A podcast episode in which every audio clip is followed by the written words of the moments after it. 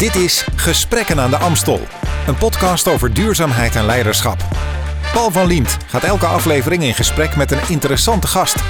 Met vandaag.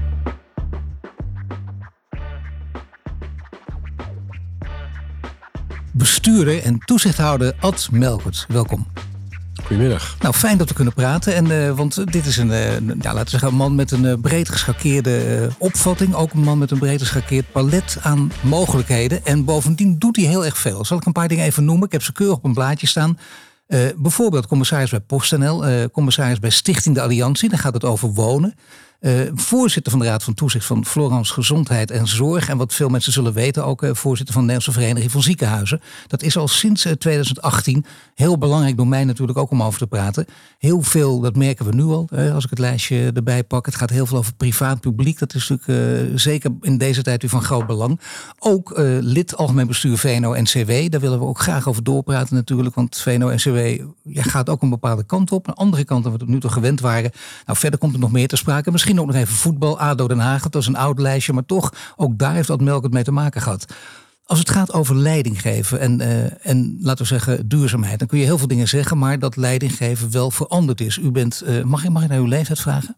Uh, 66. Ja, nog een jonge man eigenlijk. En dat betekent dus dat je denkt, wacht even, kijk, als ik 66 ben, dan heb ik wel al uh, heel veel uh, tijd doorgebracht in de publiek-private wereld op verschillende terreinen. Als politicus natuurlijk begonnen, uh, belangrijke dingen gezien. De mensen weten wie Ad Melkert is, maar dan weet Ad Melkert zelf ook, er is wat gebeurd als het gaat over leiding geven.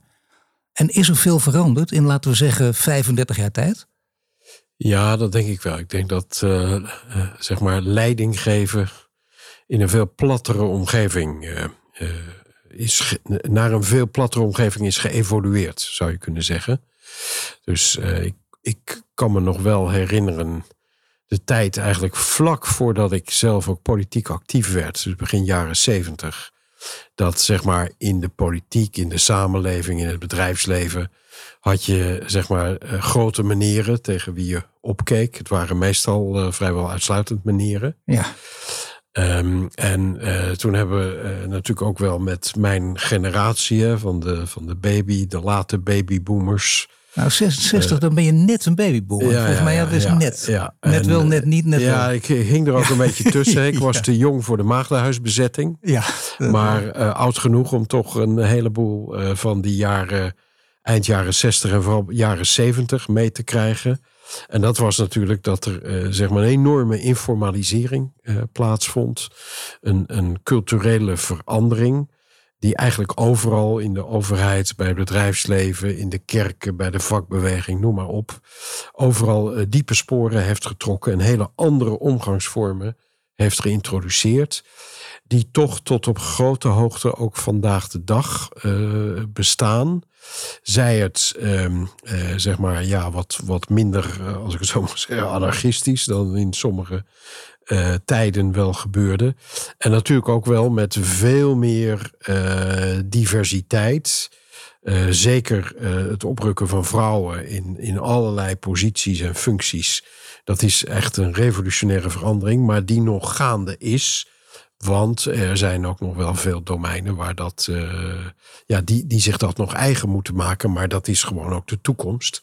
Dus dat zijn allemaal elementen die ook als het gaat om de wijze waarop wordt gesproken, vergaderd, besloten, uh, veranderingen met zich mee hebben gebracht. Die, uh, ja, die echt tot, tot een soort een an, andere processen, andere gewoonten, een andere cultuur leidt. Ook in tot, veel uh, ik durf het haast niet te zeggen, want we willen ook in, in zo'n gesprek over oplossingen denken en een beetje optimistisch proberen te blijven. Maar ik, ik herken wel, en ik weet niet of u dat ook herkent, dat veel mensen uit die tijd, zoals u zegt, de mensen die toen anarchistisch in het leven stonden, die, die informatisering heel belangrijk vonden, dat diezelfde mensen nu wat ouder worden, geworden zijn en die zeggen, ja zie je wel, het ontbreekt aan gezag en dat is heel jammer, want uh, gezag is ontzettend belangrijk in de samenleving. Dus het lijkt wel of er een, een roep komt, zelfs uit degene die het ooit omarmde, om dat terug te krijgen. Ja, daar zit ik toch wat anders in, want gezag is, is niet iets waar je om moet roepen. Gezag is wat zich natuurlijk moet vestigen. En dat kan op allerlei manieren. Daar heb je geen formele hiërarchie of zo voor nodig. Sterker, soms in, zit in een, staat een formele hiërarchie haaks op het feitelijke gezag dat iemand uitoefent. En ik denk dat je eigenlijk gezag kunt opbouwen Door juist eh, heel erg in die zeg maar meer platte omgeving op te halen van wat mensen ervaren, wat ze vinden, wat ze denken. En te proberen daar eh, de synthese te zoeken, draagvlak te creëren. En op basis daarvan ook je gezag op te bouwen. Maar dat volgt dan uit iets in plaats van dat het er op voorhand dient te zijn.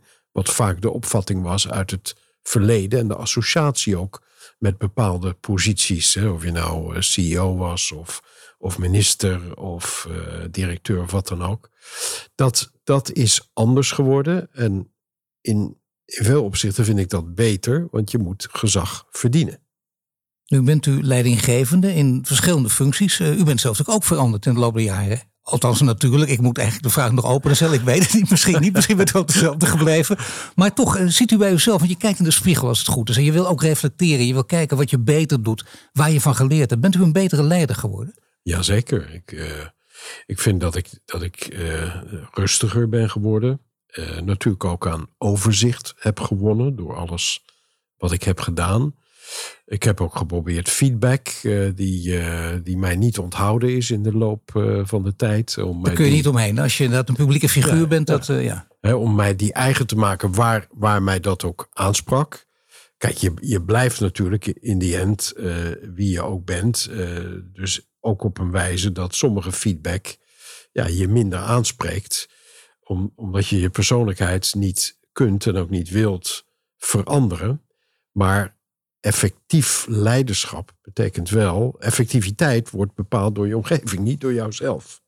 Dus je zult je in die zin ook die uh, terugkoppeling vanuit de omgeving uh, heel serieus moeten nemen en moeten proberen te verinnerlijken maar, eh, op een manier dat je er sterker door wordt. Maar kunt u iets noemen?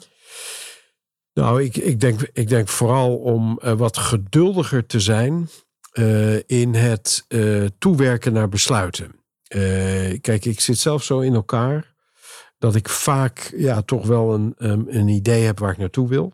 Of wat ik ergens uit zou willen halen uit een uh, bepaald uh, vraagstuk en de discussie daarover. En um, jumping to conclusions, dat was iets waar ik vroeger uh, wel eens last van had, om het zo maar te zeggen. Dat ik eigenlijk al wist wat er geconcludeerd moest worden. En niet alleen wist, maar uh, een beetje ongeduldig daar ook naartoe duwde. Terwijl ik in de loop van de tijd uh, natuurlijk heb geleerd dat ook het proces er naartoe, naar besluiten, dat dat enorm belangrijk is. Draagvlak creëren bijvoorbeeld, ja, mensen, mensen mee te nemen, daarin mee te nemen. Maar het is niet alleen draagvlak creëren, want je, je krijgt ook, ook de kwaliteit van je besluit wordt beter. Uh, want draagvlak creëren, dat kan natuurlijk soms ook zijn om net zo lang door te praten dat iedereen het uh, mee eens is. Maar je, je, je, wilt echt iets meenemen. Dus luisteren, luisteren, luisteren. En dan de zaken samenbrengen. En als je dat vaker doet, en als je dat ook vaker doet in verschillende omgevingen, dan kun je ook waarde toevoegen in dat proces.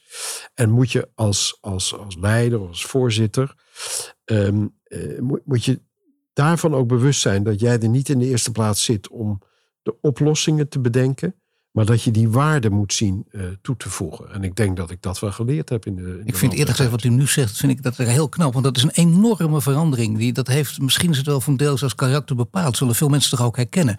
Je zit op een bepaalde manier in elkaar. En uh, jumping to conclusions kan ook zijn dat je gewoon, ik durf zelfs niet te zeggen, maar je kunt ook af en toe slimmer zijn dan de mensen tegenover je. En, en als je daarna laat merken, ja, dat is irritant. Maar ja, als je het bent, dan, dan is het ook weer heel erg tijdverlies om, om helemaal te wachten tot die anderen ook die jump gemaakt hebben. Ja, ik denk dat ik daar ook in het verleden wel, wel uh, ja, ook wel last van heb gehad. In de zin, ik was, ik, ik, zat, ik was er jong bij, als Kamerlid, ja. als minister. Um, en um, ja, dan, dan zit je ook in een leeftijd waar Sturm und Drang uh, ook uh, meer natuurlijk is ingebakken. En ik heb wel eens gedacht, um, ik geloof dat ik het niet slecht gedaan heb als minister destijds. Maar ik weet zeker dat ik nu een betere uh, minister zou zijn. Ja, ik solliciteer niet, hè, om enig misverstand te voorkomen. Maar Ze gewoon, mogen niet eens bellen. Maar gewoon, nee, maar gewoon als je objectief kijkt naar hoe je vandaag de dag omgaat met mensen, uh, tot besluiten uh, komt, dat draagvlak weet te creëren, weet te communiceren. Waar ik ook trouwens in mijn Amerikaanse tijd heel veel heb geleerd om zeg maar, de communicatie veel centraler te plaatsen. Directeur van de Wereldbank. Dan, ja, dan, wat wij, eh, dan wat wij in Nederland uh, gewend zijn. Of hoe ik ook zelf daarmee omging. Ja, dat zijn allemaal leerprocessen. En ik ben, ik ben daarin nog steeds aan het uh, leren in alles wat ik, uh, wat ik doe. Ik ja, toch is dat een heel goed teken. Want dat, weet, dat zien we altijd. Dat zie je bijna bij alle, alle deskundigen op dat gebied weer. Dat denk ik ook. Dat, de meeste mensen denken van niet of, of, kunnen dat ook niet. Maar dat is, dat is heel knap. Dat moet ik toch voor de tweede keer zeggen. Dat dat, dat, dat lukt. Dat je zelf ziet. Je kijkt naar de spiegel. En denkt, dit kan ik nog leren. Ik kan nu beter worden. U bent 66. Dus ik kan nog steeds beter worden. Dat is, dat is heel goed. Dat, dat, zo moet je eigenlijk in het leven staan, denk ik. Maar dat betekent wel dat het ook tegelijkertijd een ervaringsvak is. Met name leiding geven. Ja, dat is, eh, daar ben ik het zeer mee eens. En dat staat wel eens op gespannen voet met een samenleving. waarin zowel in het bedrijfsleven als in de politiek of in de media. Uh, om ook begrijpelijke redenen jonge mensen uh, vaak snel naar de top door, tot de top doordringen.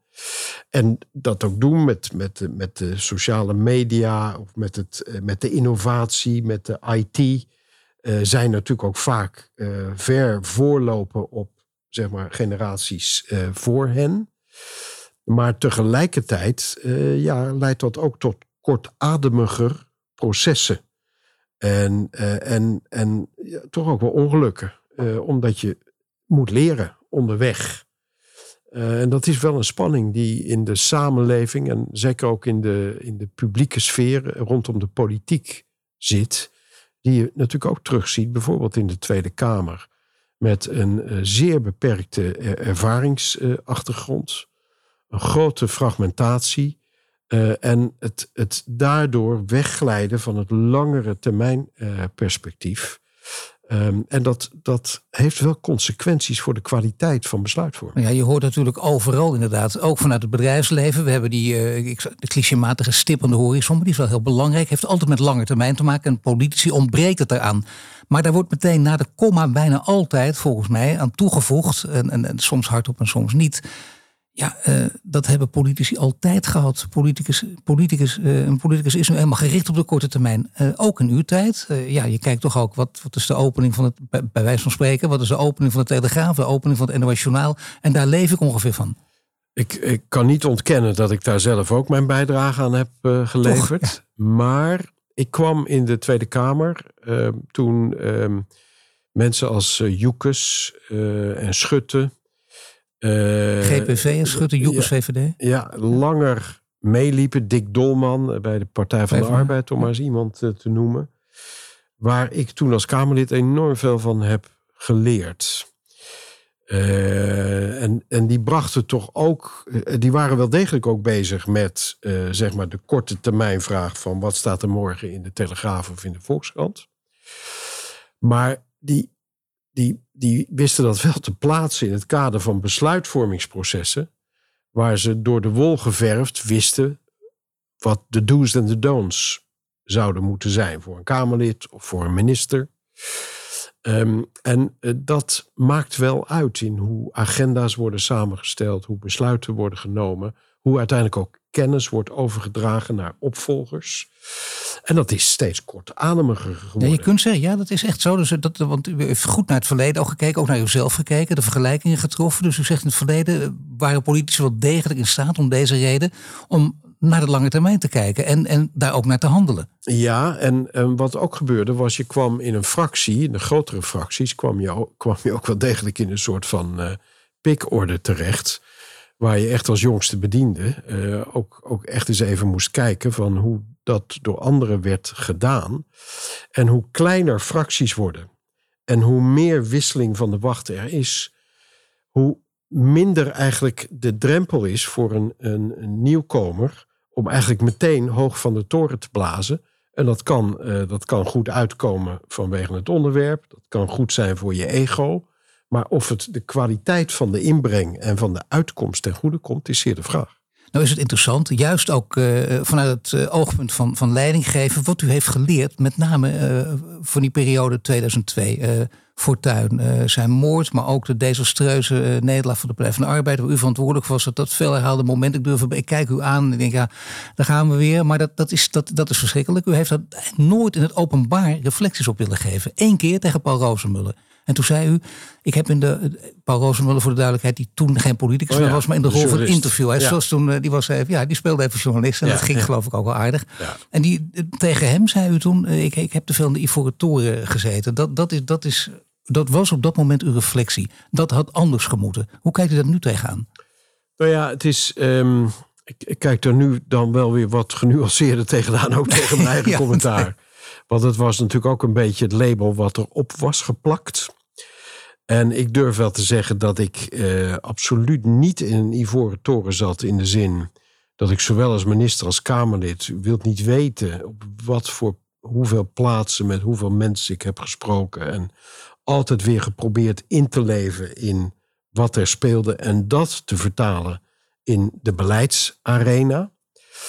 Maar ik begreep wel dat er zeg maar in de communicatie, eh, in de wijze waarop je je manifesteert, eh, dat er een afstand kon worden ervaren naar ehm, ja, zeg maar de dagelijkse sores waar mensen tegenaan liepen die, ehm, eh, ja, die mensen ertoe deed besluiten om nu maar even niet op dat moment de Partij van de Arbeid uh, te steunen. En in ieder geval wilde ik dat zo analyseren door te zeggen: van ja, ik kan wel zeggen dat ik uh, gelijk had, maar zo kom ik niet verder, want ik heb geen gelijk gekregen.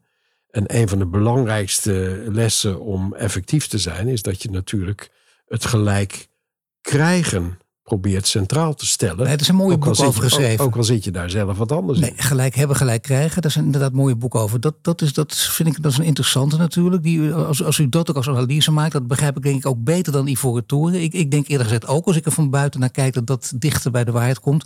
Maar eh, dan kun je zeggen, mensen komen misschien ooit in dit soort situaties. Uh, er komt ook een, een, nieuwe leider die aan nieuwe codes voldoet. Het gaat in dit geval voor tuin, maar straks is het weer een ander moet je dan aanpassen? Denkt u achteraf, ik allemaal meer ook aan hem moeten aanpassen? Uh, wat bravoure, wat humor ingooien?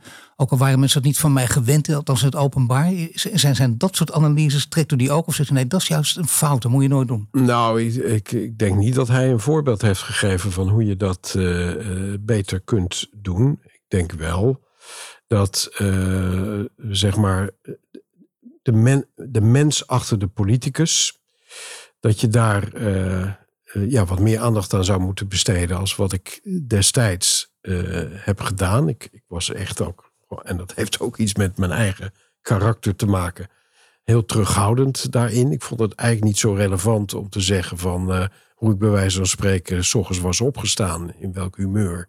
Maar het ging mij steeds weer om het beleid, om de resultaten, om de redenen waarom je het doet en voor wie je het doet. En ik, ik denk dat, dat mensen dat misschien wel eens um, ja, uh, abstract of jargon uh, vonden of uh, te veel vanuit de politicus geredeneerd. En die politicus die is bezig, elke dag, ook de politici van vandaag, zijn elke dag bezig met hele relevante dingen voor mensen. Maar de wijze waarop het debat wordt gevoerd over een wet zus of een budget zo, dat staat vaak behoorlijk ver van de mensen af. Of bijvoorbeeld die hele discussie over bestuurscultuur. Ik vind het een beetje een onzindiscussie in de zin dat het onmogelijk is om niet ook ehm, achter de schermen met elkaar te spreken over wat je gaat doen, wat je met elkaar gaat afspreken. De, de, de mythe dat dat allemaal in de openbaarheid zou kunnen. Zo, zo werkt het niet. Zo nee, de mythe van de 100% transparantie. Ja, zo, zo, zo werkt het niet. Wees daar ook eerlijk in. Maar wees daar dan ook zo eerlijk in dat je mensen wel meeneemt in waarom de dingen gaan of moeten gaan zoals ze gaan. Waarom je die keuzes doet. Ik denk dat we daar wel eens uh, tekort uh, zijn geschoten, ook ikzelf. En ik denk dat dat ook vandaag de dag beter zou kunnen worden uitgelegd in plaats van de fictie nu te hanteren. Open cultuur. Ja, en dan gaan Rutte en Kaag die gaan langs bij de fracties. Ja. Maar ze hebben eigenlijk al een heleboel dingen besloten. Dat, maar zeg dat dan ook van tevoren. Hè? Dus dat, dat soort zaken, die zijn mij wel bijgebleven uh, als punten uh, van verbetering. Uh, en waar ik vandaag de dag ook, zeker ook in al het werk wat ik nu doe, anders mee omga. transparanter in het proces. Ook als het proces misschien mensen niet uitkomt, maar wel transparant daarin zijn.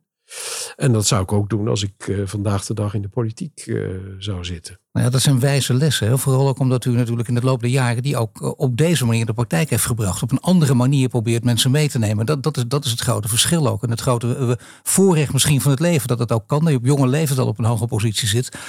Overigens is het wel, dat zie je voor heel veel mensen die, die iets goed kunnen. Die zitten op een fantastische plek en die kunnen doorgroeien. Die kunnen, want voor u longte ook mooie perspectieven. Premier van Nederland worden. Machtige man ook. En dat kan dan niet. En dat gaat dan, en dat kan ook als je een CEO bent. Of je denkt, ik zou, een van de twee gaat het worden. En hij wordt het. Uh, Paul Polman of de andere bij Unilever, ik noem maar wat. Degene die het niet wordt, of de, waar het misgaat, die, die heeft dan meestal ook te maken met, met een rouwproces. En wil het niet weten. Dat hoort ook, ik, zeg nu even, is mijn interpretatie. Je probeert dan ook, uh, het is een stoere man of vrouw, vaak meestal toch de man. En je ik wil het niet weten. Nee, hoezo rouwproces? Ik ga gewoon door. Wat hebt u gedaan? Hebt u het echt als een rouwproces ervaren en een tijd lang ook gedacht... ik moet hier gewoon niet over denken. Ik moet proberen hier uit te komen en snappen dat dit tijd kost? Of dacht u, ik ben het type dat gewoon doorgaat? Het kan me niet schelen. Nou, in de eerste plaats in uw vraag zit eh, de, de terminologie dat het misgaat. Dat, ik, ik vind dat eigenlijk ieder uh, die uh, hoge ambities heeft, en zeker, ik had ook uh, hoge ambities, um, en die heb ik dan op een andere manier kunnen verwezenlijken, maar dat hij dat die moet uitkijken, hij of zij moet uitkijken, om dat te vereenzelvigen met één bepaald doel, één bepaalde positie. Ja. Ambitieus zijn is iets wat je, ehm, denk ik, op verschillende manieren tot uitdrukking kunt brengen, een plaats kunt geven.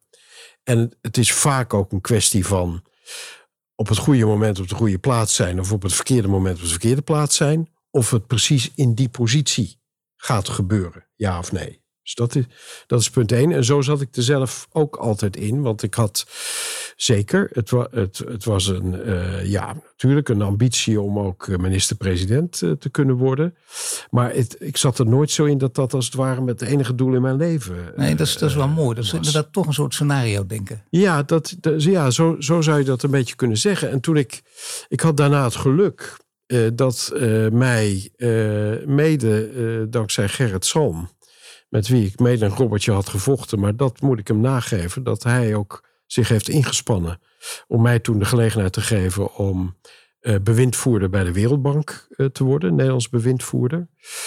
Dat, dat was echt ook wel prachtig, dat ik daardoor meteen een nieuw perspectief had. En een waanzinnige plek is het. En een prachtige plek, echt, uh, dat, is, dat is geweldig als je dat mag doen.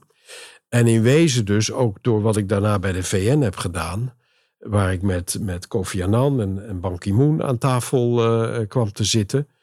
Dat je zei van ja, eigenlijk is mijn ambitie is verwezenlijkt. Op, zij het op een andere plek dan wat we een paar jaar geleden nog dachten. Uh, en zeker met mijn internationale belangstelling was ik eigenlijk de koning te rijk dat ik ja. die kans had. Maar ik heb het altijd gezien als kansen. En te proberen die kansen te pakken. Maar die die kansen die worden niet, niet alleen door jou gecreëerd. Het zijn ook omstandigheden die meehelpen of het wel of niet kan, wel of niet gebeurt. En laat je daarin ook als persoon niet meeslepen. Dus ik heb eigenlijk aan de zomer van 2002, um, eh, na de, uh, het, aftreden, na de verkiezingsnederlaag, aan die zomer heb ik hele goede herinneringen. Want ik ik kreeg het perspectief van de Wereldbank, maar ik ben ondertussen heb ik een, um, een cursus uh, marifoon gevolgd aan het Maritieme Instituut in Rotterdam. Rotterdam of all places. Ja. Ze zagen mij toen aankomen. Hè? Ja. En, uh, en ben ik gaan zeilen, veel gaan zeilen. om ja, gewoon maar eens even de ruimte te pakken die er was gekomen. Na vele jaren ja. op heel hard werken. En dat zou ik eigenlijk iedereen aanraden die even een, uh, een hobbel in zijn, in zijn loopbaan ervaart. Van pak de ruimte die daardoor ontstaat. En als je ambities hebt en ja, natuurlijk ook, ook capaciteiten. Dan zal er altijd weer een gelegenheid komen waarin je die capaciteiten en die ambities tentoon kunt spreiden. Misschien niet op de plek die je in gedachten had, soms op hele onverwachte andere plekken. Maar dat gaat gebeuren.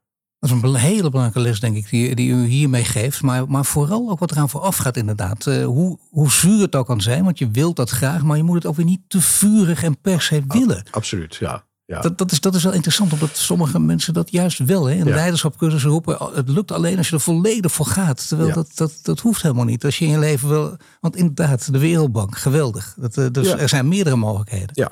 Ja, zo heb ik dat ervaren. En ik denk dat je er in veel situaties mensen dat ook zou kunnen uh, aanraden. Er is, er, en, en ook wetend, ik bedoel, dat was misschien ook weer mijn voordeel dat ik heel nauw met Wim Kok had samengewerkt. Wetend dat als je daar zit, dat het uh, echt niet zo is dat uh, het leven alleen maar uit, nee. uit leuk, leukigheid bestaat. Nee, hè? dat is een bijkomend voordeel ja, ja, inderdaad. Nee, dus, dat is duidelijk. En dat Zeker. geldt natuurlijk voor vele topposities. dat er ook veel offers voor moeten worden gebracht. Dus dat je ook kunt zeggen van, nou ja, ik heb het dan niet gekregen, maar niet hoef ik nu ook die offers niet te brengen. Ik heb echt ook wel wat meer ruimte in mijn persoonlijk leven gekregen daardoor. En al helemaal toen ik na de VN-periode een tijdje voor mezelf ben begonnen als adviseur. Uh, dat, was, dat was ook wel eigenlijk prettig uh, uh, om ja, wat meer je eigen tijd te kunnen indelen. Niet een hele organisatie op je, op je nek te hebben, oneerbiedig gezegd. een beetje afwisselend ook in je loopbaan opereren. Eigenlijk is dat een luxe. Want het is niet iedereen gegeven dat dat ook kan. Ik heb daar wel gebruik van gemaakt zelf. Nou, dat u ja. mentaal ook tegen bestand bent. Het, het, beter gezegd, denk ik toch, als ik het verhaal zo hoor, daar, daar ook uh, aan toe wilde geven. En dat heeft u goed gedaan. Ik bedoel, ja. als ik, ik kijk ja. u even goed aan en zo, zit, een, uh, zit een rustige man. Zoals u klinkt, kijkt u ook. Dus dat is, wel, heb, dat is wel synchroon, dat is wel belangrijk. Ja, ja en, en natuurlijk is ook je omgeving daarin belangrijk, van hoe die daarmee omgaan. Maar ik heb, uh, ik heb ook vanuit mijn omgeving, mijn gezin destijds, dat ook bereid was om mee te gaan naar Amerika.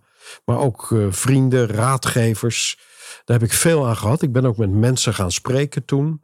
Van, nou ja, wat zou je doen in mijn situatie? Uh, mensen die ik vertrouwde. En daar heb ik gewoon goede, goede tips gekregen. Gewoon ook die klankbord, klankbord zoeken.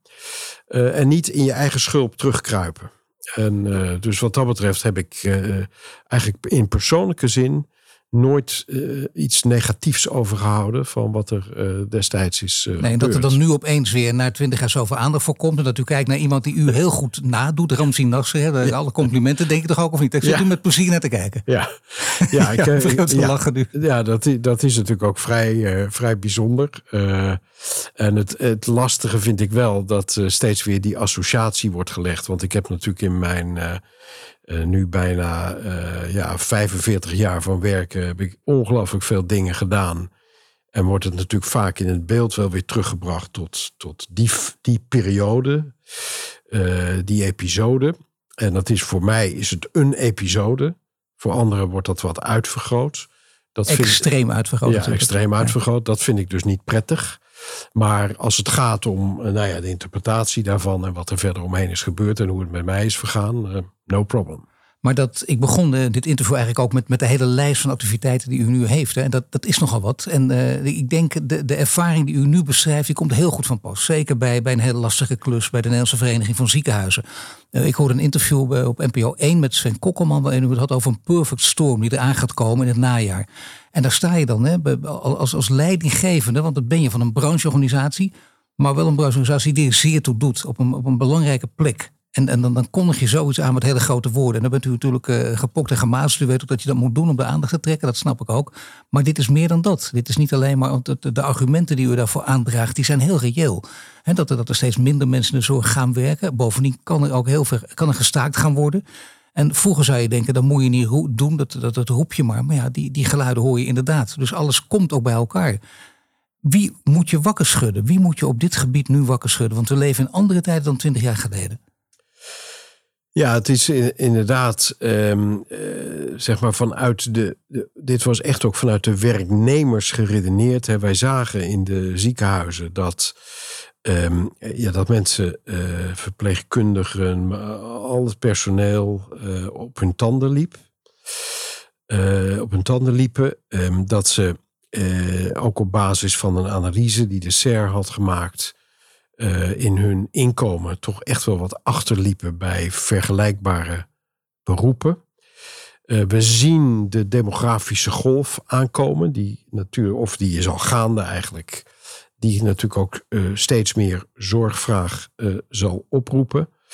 We zien aan de andere kant dat er ook andere maatschappelijke prioriteiten zijn, die ook in financieel opzicht natuurlijk ja, in zekere zin uh, concurreren. Of ze concurreren met gewoon de, de koopkracht uh, van, uh, van de mensen, ook met mensen met bescheiden inkomens. Dus dat betekent dat je dat allemaal bij elkaar moet brengen. En dan rondom die hele IC-problematiek en het feit dat wat als de ziekenhuizen niet aankunnen, dat dan ja, de maatschappij in feite stil wordt gelegd. Dus dat ervoeren wij ook als een enorme verantwoordelijkheid om daar nog het juiste in te doen.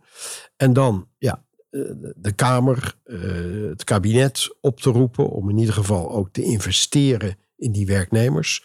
Maar ook eh, leidinggevenden van zorginstellingen op te roepen om ruimte te maken voor hun werknemers en werknemsters.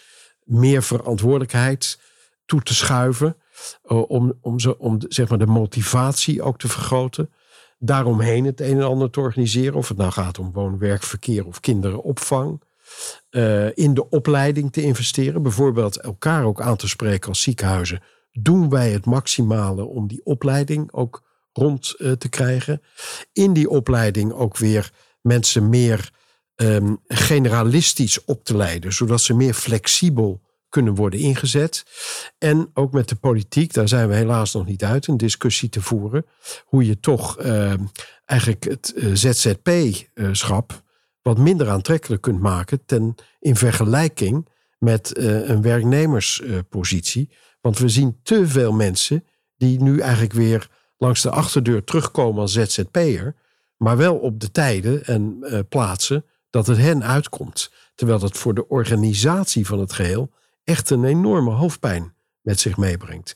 Nou, dit zijn allemaal factoren die je dus bij elkaar moet brengen. En ja, waar je dan ook vanuit een vereniging als de Nederlandse Vereniging van Ziekenhuizen een grote verantwoordelijkheid voelt om maar het is een andere tijd. bij elkaar te brengen. Het is een andere tijd, zei ik al. Het, is, het heeft ook te maken met uh, wat vind je nu belangrijk? Is, zijn blijven verbanden plakken of speelt visie weer een rol? We leven in een tijd waarin visie, ideologie weer een grote rol kan spelen. Dus de rol van de markt, daar wordt naar gekeken, de rol van de overheid. Wat, zou u het beste vinden vanuit deze positie van de ziekenhuis? Want als je een perfect storm voorspelt in het najaar, dat is nogal wat. Nou ja, we hebben, um, uh, we, we hebben in ieder geval de afgelopen tijd ook erop getamboureerd dat um, we samenwerking voorop moeten zetten. dus ze zitten in, in het concurrentiemodel. Zitten best een aantal aspecten die, die, die uh, kunnen bijdragen aan zeg maar, scherp aan de wind zeilen. Dat iedereen uh, op zijn tenen loopt om zeg maar, zijn eigen instelling uh, goed te laten functioneren. Maar uiteindelijk um, gaat het hier om een publieke opgave die gewoon ook samenwerking vraagt en waar uh, soms die marktwerking echt in de weg staat. En dit is nu wat wij ook, uh, wat hebben we gedaan? Um, ik, ik heb uh, samen overigens met de voorzitter van Zorgverzekeraars Nederland, Dirk-Jan van den Berg, het initiatief genomen om, ander, om, om elf zorgorganisaties bij elkaar te brengen. En eigenlijk met elkaar te proberen na te denken over hoe het er in de komende vijf, tien, misschien vijftien jaar georganiseerd moet worden. En veel meer rondom regionale samenwerking, dwars door de keten heen. Zodat je eigenlijk zegt, het ziekenhuis staat niet centraal, maar wat wij tussen ziekenhuis en huisarts kunnen afspreken. Wat er gedaan kan worden met, bij de patiënt thuis, met digitale uh, consulten. Um, wat er kan gebeuren in, um, uh, zeg maar met specialisten ouderengeneeskunde in het ziekenhuis of uh, in, in, een, in een verzorgingshuis, in een verpleeghuis of mensen die thuis kunnen blijven wonen, maar wel op verzorging kunnen rekenen.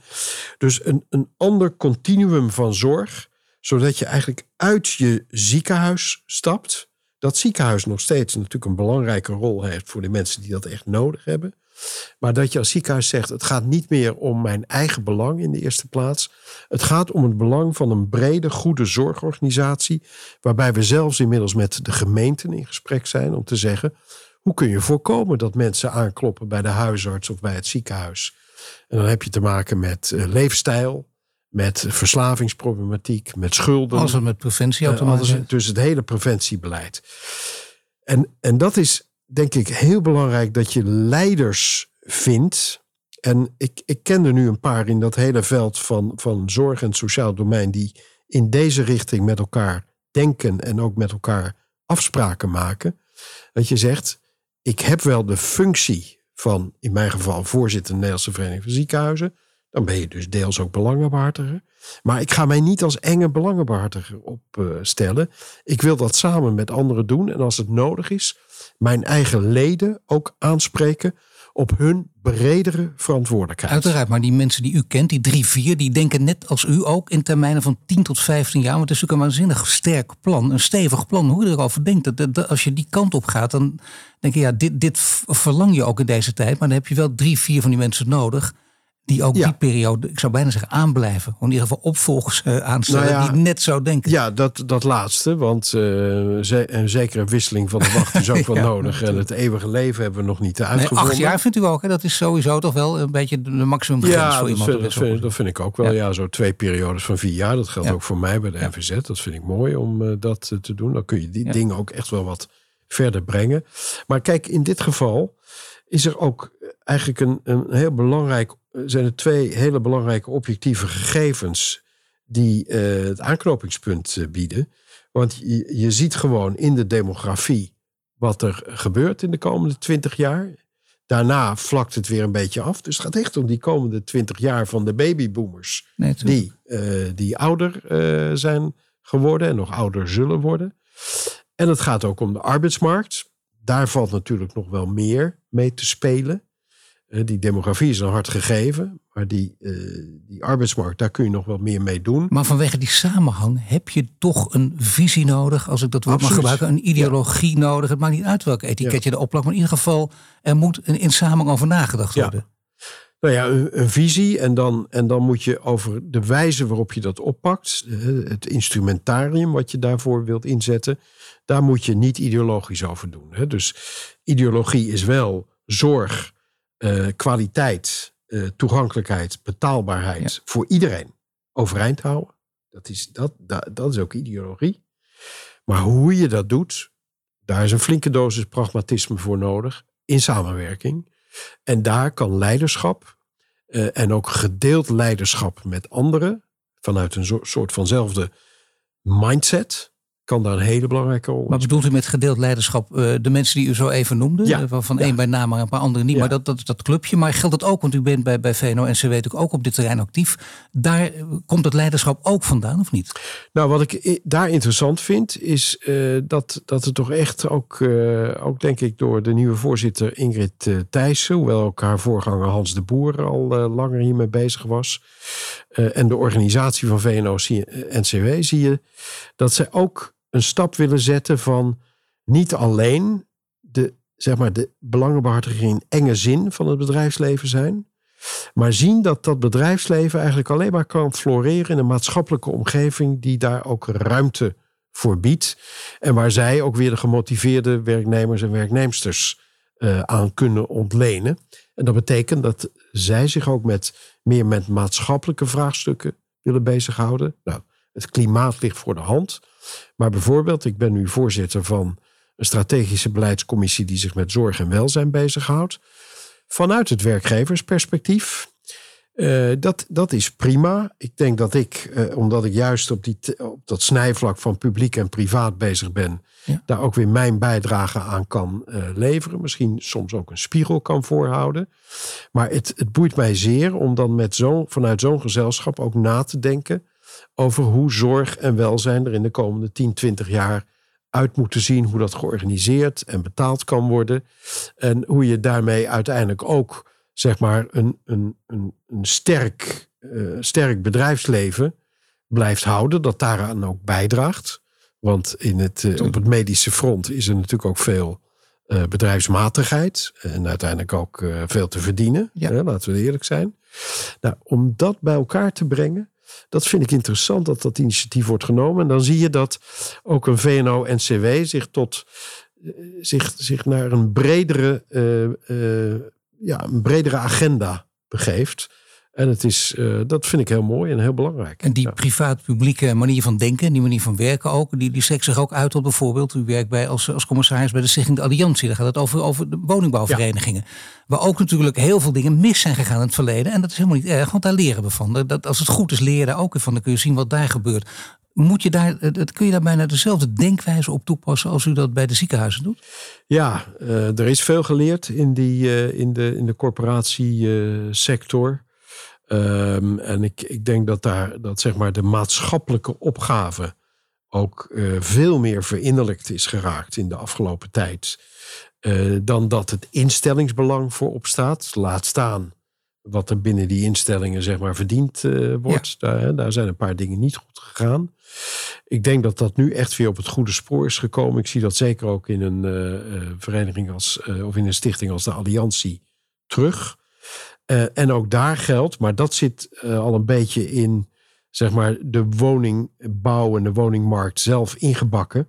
Dat er op de lange termijn gedacht moet worden. Want als je vandaag bezig bent om te kijken naar een bouwlocatie, dan duurt het 7 à 10 jaar voordat daar mensen wonen. Ja.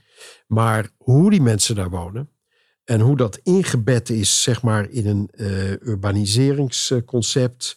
Uh, of in een, ook eigenlijk nog breder in een samenlevingsidee. Uh, ja, daar, daar, daar moet je voortdurend ook met andere partners mee bezig zijn. Samenwerking is ook het toverwoord bij ook mij. Daar is die samenwerking ja. voortdurend het toverwoord. En met name natuurlijk op gemeente, de gemeenten spelen daar dan een hele belangrijke rol in. En dit denkpatroon, is het ook toepasbaar bij PostNL, waar u ook commissaris bent? Daar ligt het denk ik iets, um, um, iets ambivalenter, laat, laat ik dat zo zeggen. Um, omdat uh, PostNL ook wel onderworpen is aan de tucht van de beurs. Ja, dat is zeker een verschil. Ja. En de beurswaarde, ja, die fluctueert uh, enorm daar vind ik wel dat een raad van bestuur en uh, zeker ook een raad van commissarissen zich niet gek moet laten maken. Of die koers nou heel erg omhoog gaat of uh, omlaag in de zin van uh, up and down. Nee, je hebt ook met oorlog te maken, je hebt met grote inflatie ja. te maken en daarom. Maar dan kun je, voor de, je moet koersvast blijven. Je moet daar doorheen kijken. Uiteraard kun je niet veroorloven dat de koers voortdurend nee. naar beneden gaat. Dat kan niemand doen. Maar daar, zitten, daar zitten uitdagingen op de kortere en op de langere termijn. Uiteindelijk is het toch ook de lange termijn die daar bepalend is voor het succes van het bedrijf. En dat gaat om de, de werknemers in de eerste plaats. Uh, hoe zijn die geëquipeerd, gekwalificeerd en gemotiveerd naar de toekomst toe? Dat is uiteindelijk in zo'n bedrijf waar heel veel mensen werken uh, zeer arbeidsintensief bedrijf. Mensen die ook willen weten waar ze aan toe zijn, dat ja. is ook het grootste belang. Is dat de kern? Daarnaast een enorme duurzaamheidsopgave. Uh, met, uh, met al die menselijke handelingen en al die busjes die heen en weer rijden. Ja, dan is de duurzaamheidsagenda echt een prioriteit. Um, en vervolgens is er zeg maar een, een, een opgave om de universele postdienst te blijven bieden waar mensen recht op hebben, ook wettelijk. En dat te combineren, maar daar zit dus een stukje ambivalentie in met wat het pakkettenbedrijf uh, kan en moet doen, want dat is ook in zware concurrentie met anderen. Ja. Uh, dat merkt, blijkt uit de laatste cijfers. Hè. Wij, wij, spreken hier op het 12 mei, dus in ieder geval op dat moment hebben we dat gemerkt. Al die publiciteit komt naar buiten, ook natuurlijk de verschrikkelijke berichten uit België, hoewel die zaak allemaal nog uh, niet doordacht is. En daar heeft u eigenlijk niets mee te maken in deze functie. Uh, nee, daar hebben we zeker mee te maken. Daar spreken we in de Raad van Commissarissen natuurlijk ook uh, over met de Raad van Bestuur. Maar de Raad van Bestuur die, zit daar bovenop. En uh, wij, wij steunen ook hoe zij dat oppakken, omdat er echt, ja, echt verkeerde beelden zijn gecreëerd van wat er daar gaande is. En daar vrees ik ook wel ja, motieven spelen. Nou, waar ik nu niet op, uh, op wil ingaan of over wil speculeren. Motieven die gaan dus over maar, de beschuldigingen van maar, mensenhandel en vrouwen. Ja, dat is, uh, en, en echt, daar nemen we uh, grote afstand van. Want Post Nederland is echt een zeer fatsoenlijk bedrijf. Ehm, maar de, de druk natuurlijk, en dat is niet alleen Post Nederland, dat zie je ook op Schiphol of bij de KLM of in andere bedrijven, is dat ook zeg maar bedrijfsmodellen waarin je ook met flexibele arbeid moet werken, met veel mensen op pad moet zijn, waar dus ook de factor arbeid ook weer relevant is voor wat je uiteindelijk in de cijfers als bedrijf kunt laten zien. Ook weer naar die aandeelhouders. Dat is allemaal een, een, echt een e-, evenwichtskunst om dat bij elkaar uh, te houden. Eén één overeenkomst zie ik natuurlijk wel in alle verhalen. Lange termijn, lange termijn. En veel mensen zullen zeggen, wij geloven, eh, als we dit horen, wij geloven het melken. Duidelijk, hè, vanwege ook alle, alle argumenten en, en, wel overwogen bewoordingen. Ook dat speelt een rol. Maar, en daar komt altijd een maar naar zo'n compliment. Namelijk, hij komt uit de politiek. En de politiek, ook al was het vroeger dan beter, zoals u het zegt, uh, wordt er toch te weinig naar lange termijn gekeken. Dus is de politiek hier misschien wel de kink in de kabel van de vooruitgang? Nou, de kink in de kabel, nee, dat, zo zou ik dat nooit uh, willen zeggen. Want um, uh, ja, de, de, zeg maar, politici zijn tot op zekere hoogte ook wel weer een, een product van hoe de samenleving zich ontwikkelt. Want laten we eerlijk zijn, we, we, leven in Nederland in een samenleving waar mensen zich ook niet zo gemakkelijk iets laten gezeggen. Ze willen het graag ook zelf. Dat hadden wij eh, geconstateerd. En met het gezag uh, gaat het niet, be niet beter dan vroeger. Nee. Uh, en tot op zekere hoogte is dat ook weer een kwaliteit uh, van, van Nederland en van veel Nederlanders. Dus ook voor de politiek is het een zaak om het juiste evenwicht te vinden tussen wat je, waar, waarvan je zegt, die kant moeten we echt met z'n allen op. Um, en wat je vooral ook aan de mensen zelf overlaat of waar je luistert naar de mensen van welke kant je op moet. Probleem is wel, ook door de fragmentatie en door het uh, toch ook echt wel het probleem om co aan coalitievorming toe te komen, waar die coalitie niet alleen steunt op 76 zetels, maar ook op een, een soort van gemeenschappelijk referentiekader van waar je in de komende vijf à tien jaar naartoe wil. Ja, daar is wel het een en ander in te investeren, ook door partijen. En ik, ik zou er een groot voorstander van zijn dat partijen uh, ook uh, naar rato van het aantal zetels daar we meer armslag in zouden kunnen krijgen. Want ik weet uit eigen ervaring hoe, hoe um, weinig geëquipeerd eigenlijk politieke partijen in ons stelsel zijn. Al die kleine partijen, ja, dat, ja, is, dat is niet om, te doen. Uh, om dat denkwerk ook te doen. Want daar moet veel denkwerk in geïnvesteerd worden. Of daar moet je mensen naar je toe halen die je helpen om die visie te ontwikkelen. En dat is, vind ik op dit moment wel een zwakke stee in uh, zeg maar de, de wisselwerking tussen politiek en samenleving. Dan bent u een man waar ik eh, heel graag eigenlijk, uh, merk ik ook een marathon-interview mee zou willen maken. Want er gaan nog heel veel vragen door mijn hoofd. Dat kan niet, zelfs niet in deze podcast. Ik mag maar één dingetje aansnijden. Namelijk, u bent ook een echte voetballiefhebber. We weten allemaal Feyenoord-fan. Dus ja, wie weet, als deze podcast wordt uitgezonden, heeft Feyenoord de finale gewonnen. Dat zou kunnen, dat verwacht u wel.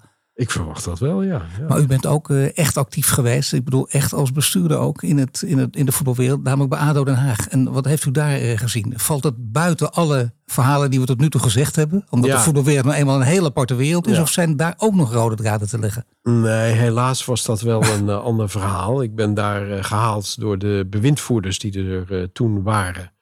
en die van de rechtbank de opdracht hadden gekregen om orde op zaken te stellen. Hè, van de ondernemingskamer. Uh, ik vond dat wel echt een uh, ja, uitdaging. En ik ook prachtig om in zo'n club met zo'n historie, waar mensen zo enorm veel uh, aan ontlenen. als, ja. je, als je mensen daar ziet, dat, dat is echt geweldig en motiverend. ADO is het leven, dat ja, ja, groen-geel. Ja, ja, ja, groen-geel. En ja, dus ik vond het echt mooi om te mogen ervaren. Waar ik uh, toen echt problemen mee heb ondervonden was uh, met de opstelling van de aandeelhouder. Dat waren toen het Chinese bedrijf UVS. dat leek aanvankelijk leek dat allemaal, nou ja, allemaal prachtige vergezichten te kunnen leiden. ADO, ADO naar de top, zal ik maar zeggen. Maar um, ik heb mij toen, dat was ook mijn opdracht, geprobeerd om gewoon zeg maar, normale governance uh, te organiseren. Met een rol voor een raad van commissarissen. Uh, de juiste checks en balances tussen de raad van commissarissen en de bestuurders. Um, ja, dat is toen aanvankelijk heel goed gegaan. Maar uh, de aandeelhouders hadden geen vertrouwen in de bestuurder. Die voor, wat mij betreft voortreffelijk functioneerde. Die stapte toen op en toen moest er een nieuwe worden gevonden. Ja, en toen hebben ze naar mijn mening niet de goede keuze gedaan. Terwijl er hele goede kandidaten waren. En ik denk dat ze ADO daarmee verschrikkelijk tekort hebben gedaan. Maar op enig moment betekende dat uh, dat eigenlijk uh, de, de, voorzitter van de Raad van Commissarissen werd gevraagd om alleen maar stempels te, zet, te zetten. En misschien heeft u in mijn uh, karakterbeschrijvingen wel ontdekt dat ik niet zo, niet, daarvoor niet zo geschikt ben. Nee, wat dacht u? dus, uh, en, toen, en dan, ik vind dat je dan ook je consequenties moet trekken ja. en zeggen van ja, dan moeten jullie en de aandeelhouder die bepaalt uh, dan uiteindelijk, ja, dan laat je het daaraan over. Ik vond het erg jammer. En het is sindsdien met ADO Den Haag er niet beter op geworden. Zij is dat nou. zeer recent er weer wat uh, licht aan het eind van de tunnel is met een nieuwe aandeelhouder. En ik hoop ja. dat het ADO een stuk beter gaat. Net, ik wou net zeggen, want het zou natuurlijk kunnen als deze podcast wordt uitgezonden. Dat niet alleen Feyenoord de finale heeft gewonnen, maar dat ook ADO Den Haag Eredivisie speelt. Dat, zelfs dat zou, uh, zou nog kunnen. Dat zou hartstikke leuk zijn voor uh, Den Haag. Maar te vroeg. Uh, nou ja, in ieder geval moet die organisatie nog veel meer op orde. En er is nu een Amerikaanse aandeelhouder gekomen. En ook daarbij is het natuurlijk wel de vraag: van, krijg je daarmee ook voldoende ja, motivering, de juiste motieven in de ook financiële ondersteuning van uh, de club. Uh, en dat blijft bij buitenlandse aandeelhouders. Uh, dat, het kan goed gaan. Nou, maar nou, die Amerikanen in de Premier League sidderen ze ook natuurlijk. Vanwege ja. al die Amerikanen die alles overnemen in het groot. En dat, ja, dat... Je, je ziet hoe ongelukkig de ondanks al het grote geld wat ze erin gepompt hebben, de supporters bij Manchester United uh, zijn. Uh, en ik, uh, ik hoop wat dat betreft dat het ADO Den Haag een stuk beter gaat. Maar een goede governance, hè, met wat voor aandeelhouder ook, en zeker ook als hij in het buitenland zit. Er moet een goede balans zijn tussen wat de aandeelhouder kan bijdragen, maar wat uiteindelijk door bestuur en raad van commissarissen moet worden besloten. Ja. Daar geloof ik heilig in dat dat een beter model is dan dat je voortdurend uh, naar de aandeelhouder moet gaan om uh, te horen wat, uh, wat hij of zij in zijn onmetelijke wijsheid denkt ja. te winnen. Nou, dat lijkt me een mooie passend slotakkoord. Hartelijk dank, Art. Graag gedaan. Dit was Gesprekken aan de Amstel, een podcast over duurzaamheid en leiderschap. Presentatie Paul van Liemt en mede mogelijk gemaakt door Maas en Lunau Executive Search. Volg ons in je favoriete podcastplayer voor meer gesprekken aan de Amstel.